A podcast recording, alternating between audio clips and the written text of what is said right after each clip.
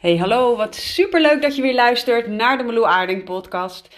In deze podcast neem ik je mee in een proces waar ik zelf even in zit, waar ik lang verbaasd over ben, maar waarvan ik ondertussen weet dat het niet meer dan normaal is. En ik moet er soms ook zelfs een beetje om grinniken. Ik zal je vertellen waar dit over gaat. Misschien herken je het wel.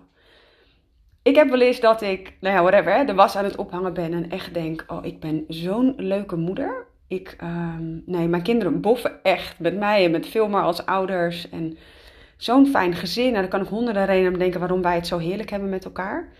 En de andere keer weet ik 100% zeker dat ik eigenlijk nu al een psycholoog moet zoeken voor mijn kinderen. Uh, want zij gaan later zeker hun eigen jeugdtrauma's moeten uh, verwerken. Waar ik dan ook vind dat ik daar een grote bijdrage aan heb geleverd. Niet in de positieve zin, uiteraard.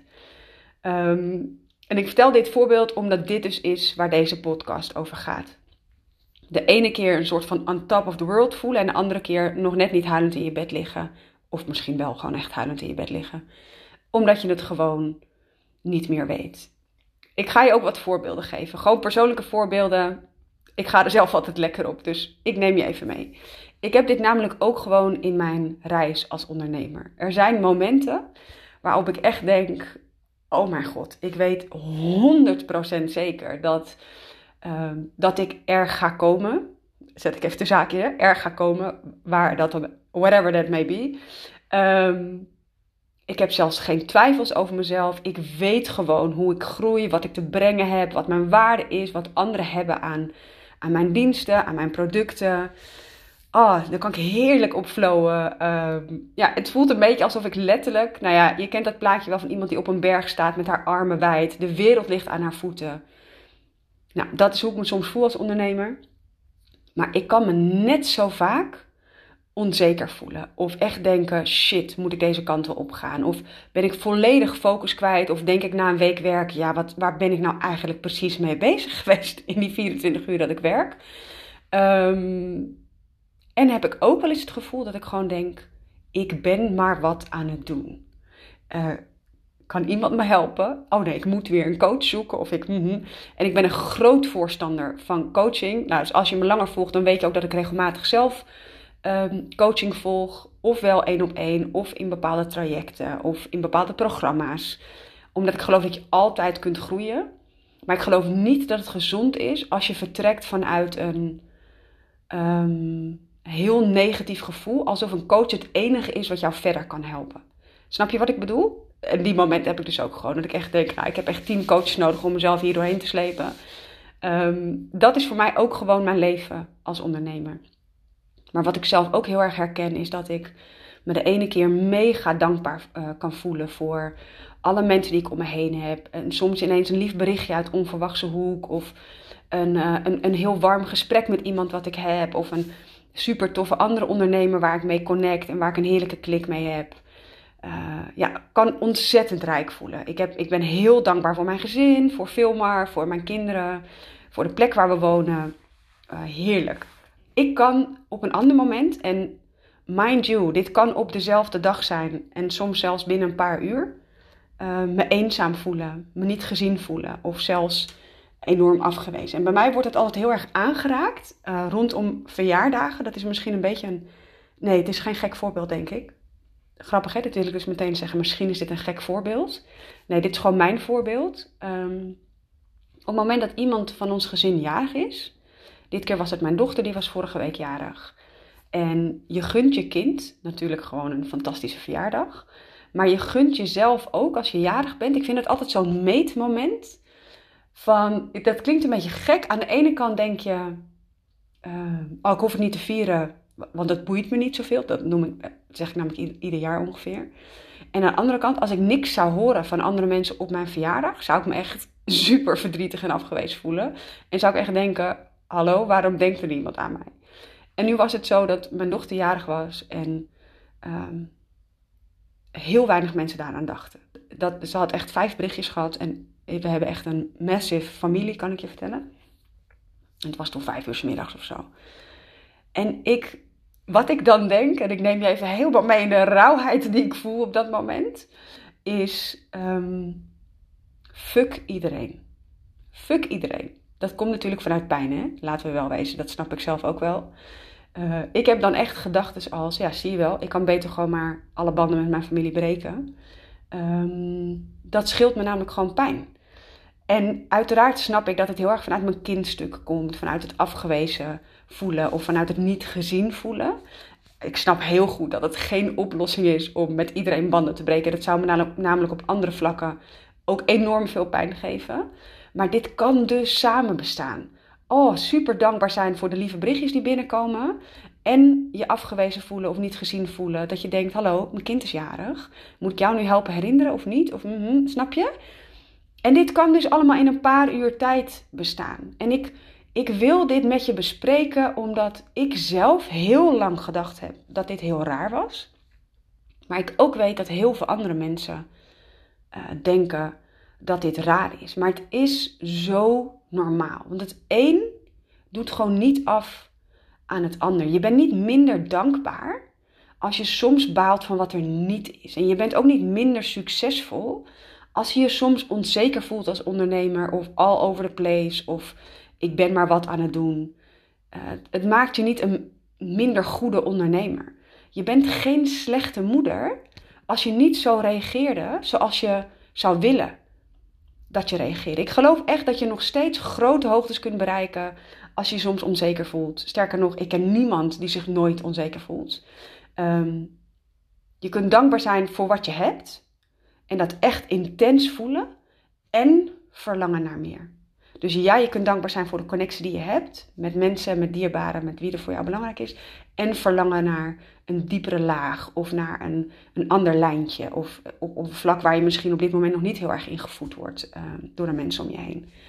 Uh, je kunt je vol vertrouwen voelen, meestal. En het soms af en toe even super goed kwijt zijn. En ik heb ook echt wel dat ik soms veel maar aankijk en zeg: Oh, dan geef ik hem high five. Lekker hè, het gaat zo lekker. Nou, dan geef ik allemaal voorbeelden. Of dan deel ik met hem, nou, hoe, wat, weet ik veel, wat ik als successen heb ervaren. Of waar ik van geniet, of mijn eigen vier momentjes. En ik kan hem soms aankijken en zeggen: Schat, ik weet het even niet. En afgelopen week was voor mij daar echt een heel mooi voorbeeld in. Want ik. En ook dat kan dus naast elkaar bestaan. Ik heb heel weinig uur gewerkt uh, afgelopen week omdat er privé nogal uh, het een en ander speelde. Wat ontzettend veel aandacht van me vroeg. En ik zelf dus weer even in de rol mocht stappen van: oh ja, wat adviseer ik mijn klanten altijd? Als jij 30 dingen op je bordje erbij legt, mag je er echt wat anders afhalen. Uh, dat mocht ik dus zelf ook weer even doen. Ik hoef niet en, en, en, en, en op mijn bordje te hebben. Maar er lag even wat meer op. Dat betekende dat ik andere dingen even los mocht laten. Zo I did. Dus ik heb minder gewerkt. Eh, echt maar de helft van mijn uren. Dat is voor mij echt uitzonderlijk. Ook ik heb stemmetjes daarbij die dan zegt: Ja, maar Lou, als dit is wat je gaat doen, kan je beter stoppen met je bedrijf. Dit slaat nergens op.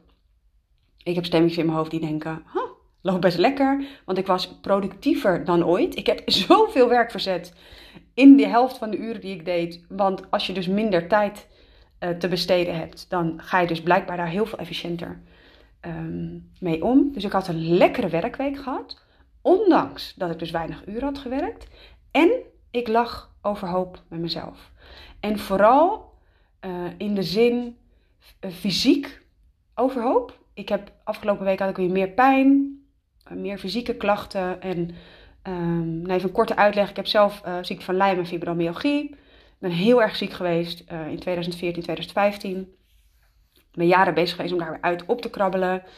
En er werd me altijd verteld dat ik nooit beter zou worden. Ik had, ik had gewoon altijd pijn. Altijd. Ik, en nog duizend andere klachten. Zal ik je nu niet meer lastigvallen?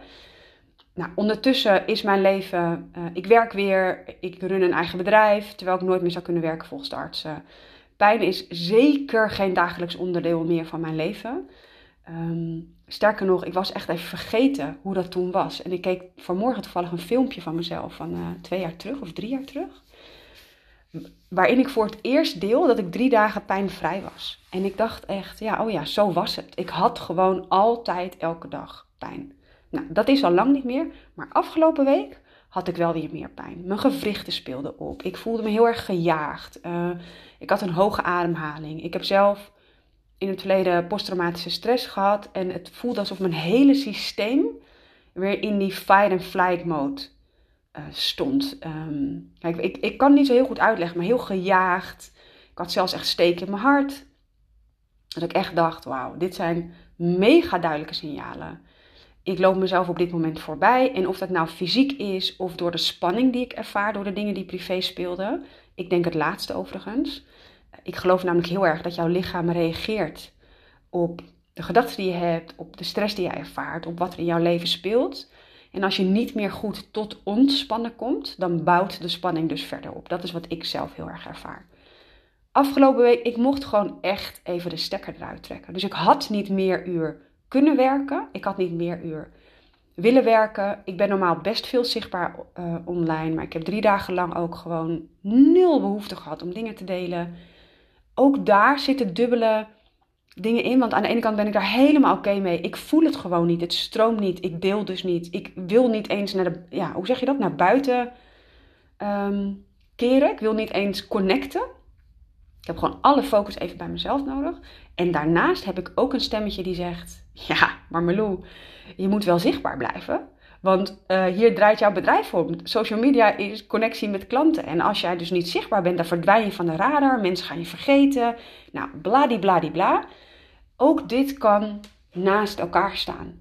Dus weet ook dat er altijd zwart, of wit is, eh, zwart en wit is. Dat er altijd licht en donker is. En dat zelfs de mensen waarvan jij nu denkt: oh, die hebben het echt voor elkaar wow, die zijn echt super succesvol. Of jeetje, waarom is die moeder altijd zo geduldig? Of waarom is zij als ondernemer echt, waarom krijgt zij zoveel klanten? En nou, bedenk het wat voor gedachten je daarbij hebt. Weet dat ook die personen een verhaal hebben. Ook die personen weten het soms even niet. Ook die personen huilen wel eens, liggen overhoop met zichzelf, mogen hun eigen shit aankijken, komen tegen blokkades of lopen tegen blokkades aan. Er is niemand op deze aardbol die zich altijd maar goed voelt. En als jij denkt zo iemand te kennen, think again. Want wat zie jij echt van die persoon? Wat laat die persoon zien? Weet dat het altijd maar een percentage is van zijn of haar leven. En je mag je oprecht afvragen in hoeverre durft die persoon dit uit te spreken. Lang niet iedereen voelt zich daar comfortabel mee. Hè? Die, hoeveel mensen, hoeveel influencers, de echte grote influencers, Ehm, vallen om na een tijdje. Met depressie, met ehm, mentale klachten, fysieke klachten. En waarom? Omdat de druk zo ontzettend hoog is. Als je eenmaal succesvol bent, om dus ook, ja, dan, dan moet ik dus echt altijd succesvol zijn. Maar dat hoeft niet. Dus heel veel mensen spreken het niet uit. En vergis je ook niet in hoeveel mensen leven in een soort struisvogelpolitiek. Die de woorden gebruiken met nee, het gaat altijd goed, nee, het gaat prima, mijn relatie gaat lekker. En zo blij met mijn huis. We gaan volgend jaar weer op vakantie in Italië. En vooral de mensen die, en je hoort ook al hoe ik het zeg, die blijven heel hard roepen dat alles goed gaat. Ehm, dat zijn vaak de mensen die aan het struisvogelen zijn. Die denken, als ik dat maar hard genoeg roep, dan ga ik het misschien zelf geloven. Ehm, die gewoon nog niet bij dat stuk kunnen om echt aan te kijken dat ze soms echt nou, bedenken wat ze voelen. Angst voelen, uh, zich zorgen maken over hun relatie, misschien wel tegen een scheiding aan zitten. Uh, je weet het nooit. En het is oké, hè? Er is geen oordeel als iemand struisvogelt om die persoon. Dit is een mechanisme wat werkt op dit moment voor die persoon. Maar ik vertel het je wel, want daar mag jij je echt bewust van worden. Helemaal als je vaak onzeker wordt van het zien van andermans successen. Of ik dacht vroeger altijd, jeetje, heeft die vrouw oneindig energie? Dat was dan bijvoorbeeld iemand die en uh, fulltime werkte en nog studeerde en altijd haar huis aan kant had en ook nog op verjaardagen de lekkerste hapjes maakte. En ik dacht alleen maar, ik kon echt nog net niet met open mond naar haar kijken en denken, hoe doet zij dat toch? Ik, ik snapte er helemaal niks van. Deze vrouw liep zichzelf enorm voorbij. En je hoort me een klein beetje grinniken als ik dit vertel. Ik was namelijk ook zo'n vrouw. Ik was dezelfde vrouw waarvan heel veel mensen zeiden: Marlou, hoe doe jij dat toch? Ik werkte ook fulltime, had daar zelfs nog een bijbaantje naast. Vraag me niet waarom, but. Ik studeerde, ik had een relatie, ik sportte vijf keer in de week. Ik ging naar alle sociale evenementen, ik bakte alles zelf. Dus op verjaardagen en etentjes was ik alles lekker aan het voorbereiden, doe ik alles tip-top. En ja, er is natuurlijk een reden waarom ik meerdere burn-outs heb gehad. Dus het is heel boeiend om je af te vragen: heeft een ander echt, voelt diegene zich altijd echt oké? En kan het zelfs zo zijn dat anderen dit ook van jou denken. Hoeveel mensen kijken niet naar jouw foto's of naar jouw social media of naar jouw leven en denken: Oh wauw, ik wou dat ik dat ook had. Die mooie, slanke vrouw, dat is wat we vaak denken. Hè? Of, die, of die vrouw met het prachtige huis, of die ondernemer die zoveel geld verdient. Of ehm, geen idee, we maken er altijd een verhaal van.